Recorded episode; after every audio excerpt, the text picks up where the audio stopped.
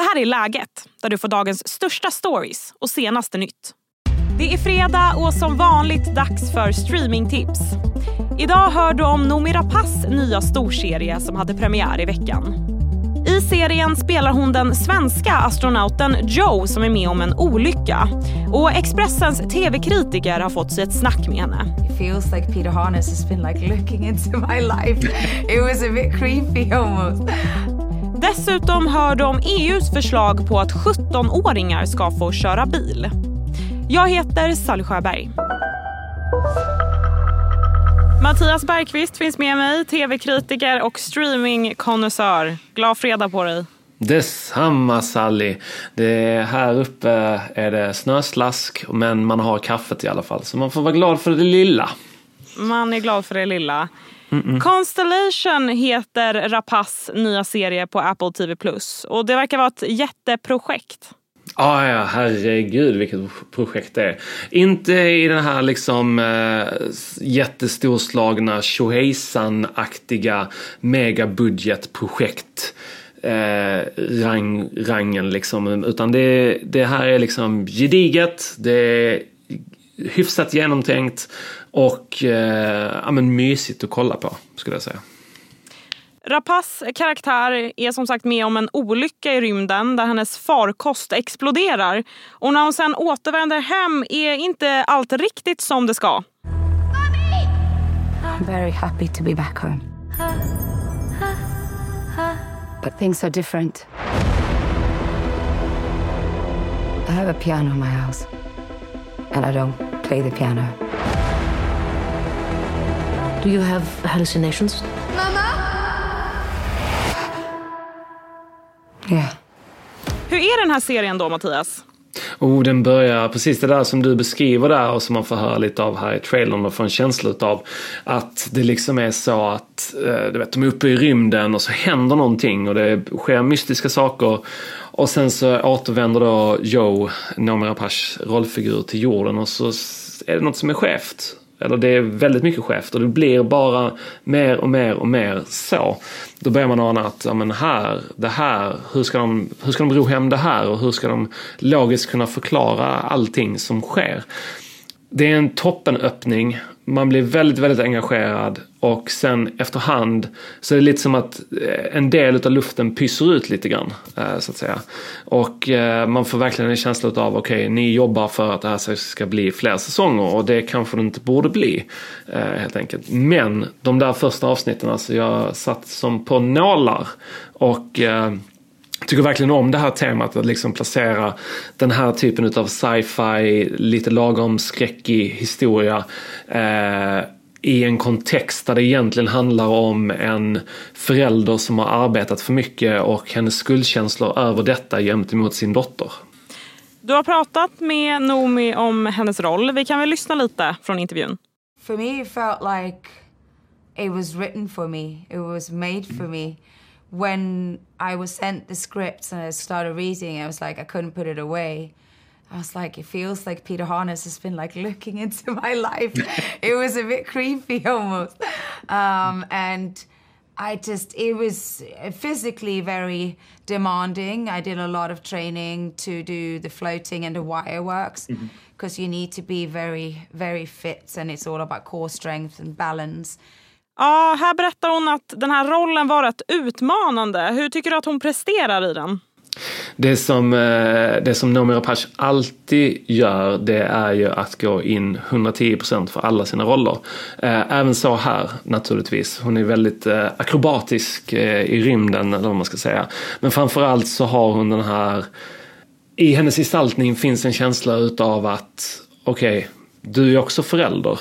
Du, du, man, alltså man kan känna igen sig i hennes känslor och hennes så här, tveksamheter kring allt som sker och är det så att jag bara har varit borta för länge och att mitt barn har förändrats på grund utav att jag inte har funnits där och jag inte känner igen vad som sker eller är det någonting annat som försiggår? Alltså allt det där det finns en igenkänning som, är, som i vissa stunder faktiskt kan vara ganska drabbande.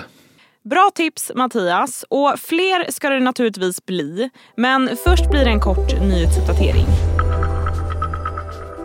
Runt 14 000 personer bedöms enligt polisen vara aktiva i kriminella nätverk i Sverige. Och ytterligare 48 000 personer bedöms ha koppling till nätverken. Att man exempelvis förvarat narkotika eller pengar åt gängkriminella. Enligt polisens kartläggning är 88 procent svenska medborgare och hela 95 procent är män. Den kraftiga blåsten på västkusten gjorde idag att en bit av taket på Centralstationens perrong i Göteborg blåste av. Taket landade över kontaktledningar och alla spår på Göteborgs centralstation blev strömlösa vilket orsakat stora förseningar för tågtrafiken. SMHI har haft gul varning i Västsverige och varnat för vindbyar uppemot 30 meter per sekund. Och nu till humorgruppen JLCs uppmärksammade guldstrid. Det var förra året som två av gruppens medlemmar, Carl Deman och Lukas Simonsson, köpte ett hus i Mölndal. Under renoveringen så hittade hantverkarna guld på vinden till ett värde av 11 miljoner kronor. JLC-duon, husets tidigare ägare och hantverkarna gjorde alla anspråk på guldet. Men nu har hantverkarna dragit sig ur striden. Det rapporterar P4 Göteborg. Den rättsliga striden om vem som har rätt till guldet fortgår mellan de övriga parterna.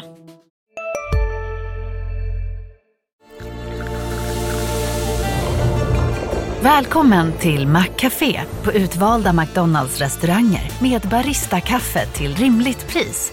Vad sägs om en latte eller cappuccino för bara 35 kronor? Alltid gjorda av våra utbildade baristor.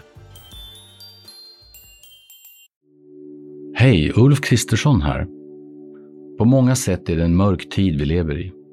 Men nu tar vi ett stort steg för att göra Sverige till en tryggare och säkrare plats. Sverige är nu medlem i Nato. En för alla, alla för en.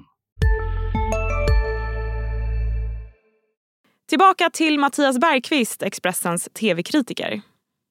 Vi ska hinna med två till serier också. Och den första heter Avatar The Last Airbender och finns på Netflix. The Fire Nation is embarked on a dark path. And the world might never recover. The world needs the Avatar. It needs you, Aang. Vad handlar den här om Mattias? För att jag gissar att den inte har med Avatar-filmen att göra.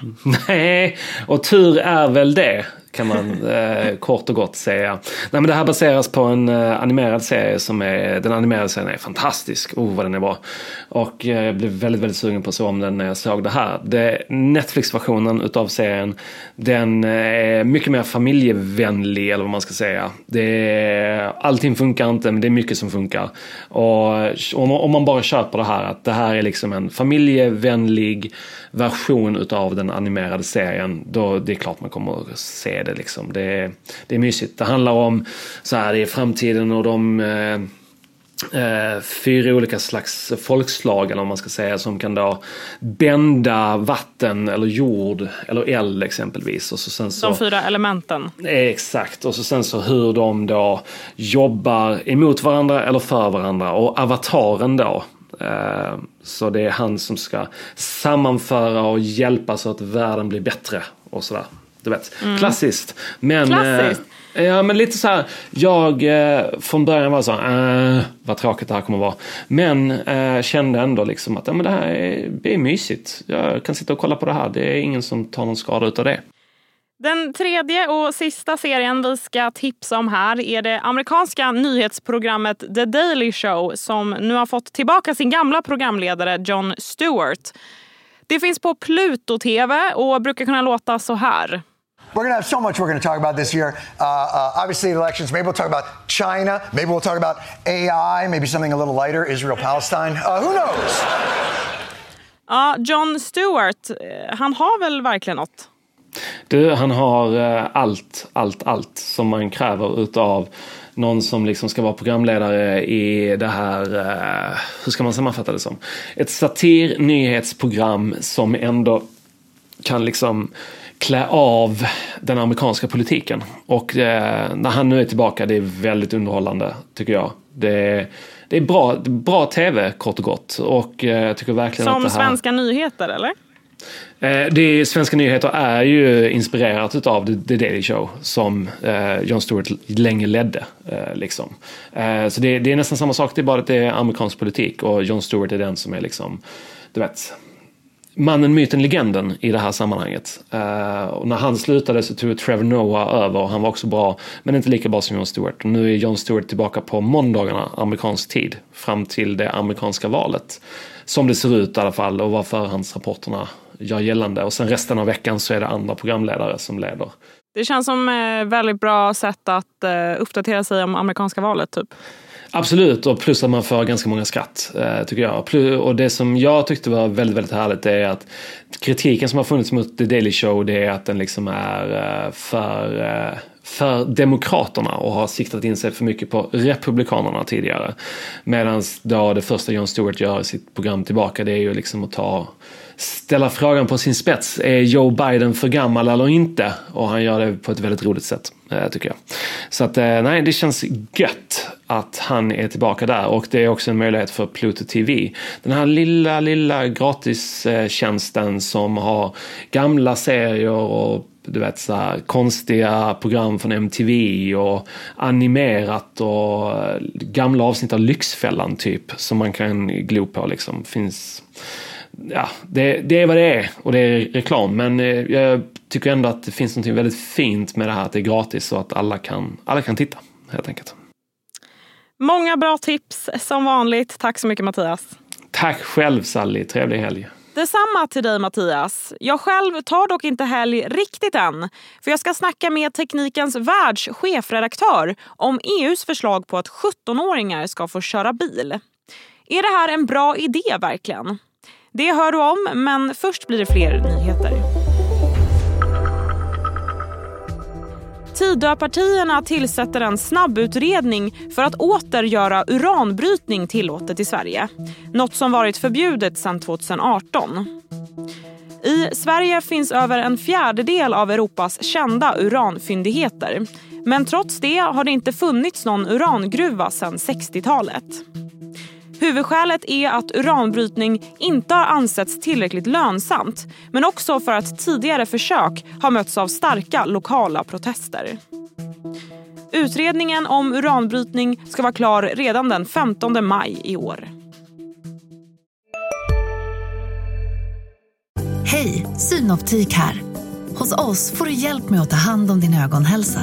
Med vår synundersökning kan vi upptäcka både synförändringar och tecken på vanliga ögonsjukdomar.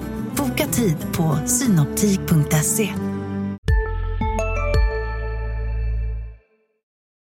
I Europaparlamentet finns just nu ett förslag om att kunna sänka körkortsåldern till 17 år. Tanken är att det här ska göra vägarna säkrare. P4 Kalmar har pratat med Helene Jonsson som är trafiklärare.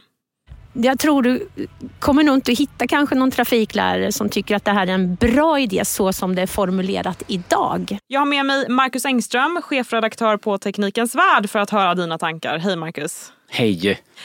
Ja, EU vill att 17-åringar ska få köra upp men de ska inte få köra ensamma förrän de fyller 18. Du är inte helt förtjust i det här förslaget har jag förstått. Nej, jag tycker det verkar som ytterligare en EU-lösning på ett problem som inte finns. Okej, utveckla dina tankar.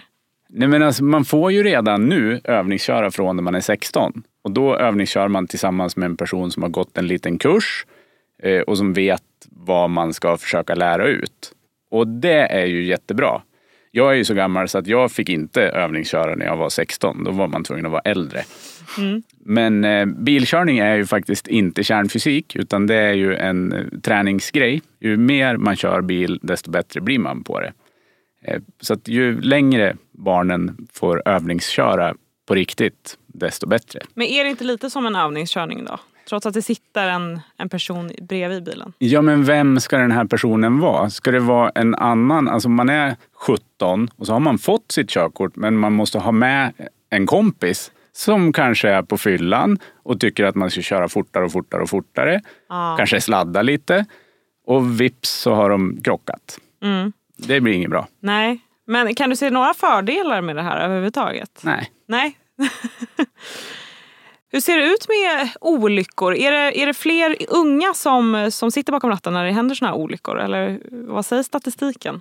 Det är ju lite så. Alltså, vi har ju haft den här jättestora debatten om A-traktorer. När det har varit alldeles för många dödsolyckor. Och där är det ju unga personer som åker alldeles för många tillsammans i en A-traktor som går alldeles för fort.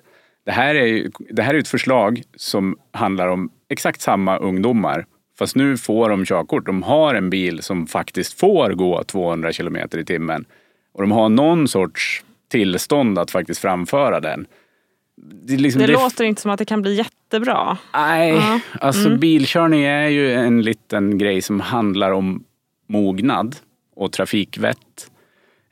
Det kanske, ett, ett bättre EU-förslag kanske skulle vara att ungdomar som tar körkort måste se bilder på trafikolyckor.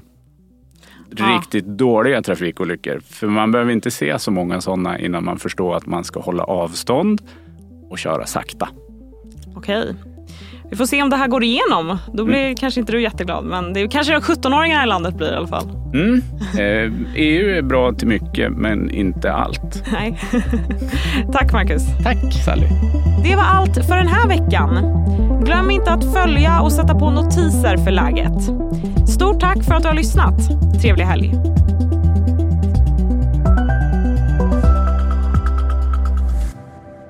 Du har lyssnat på en podd från Expressen. Ansvarig utgivare är Karin Olsson.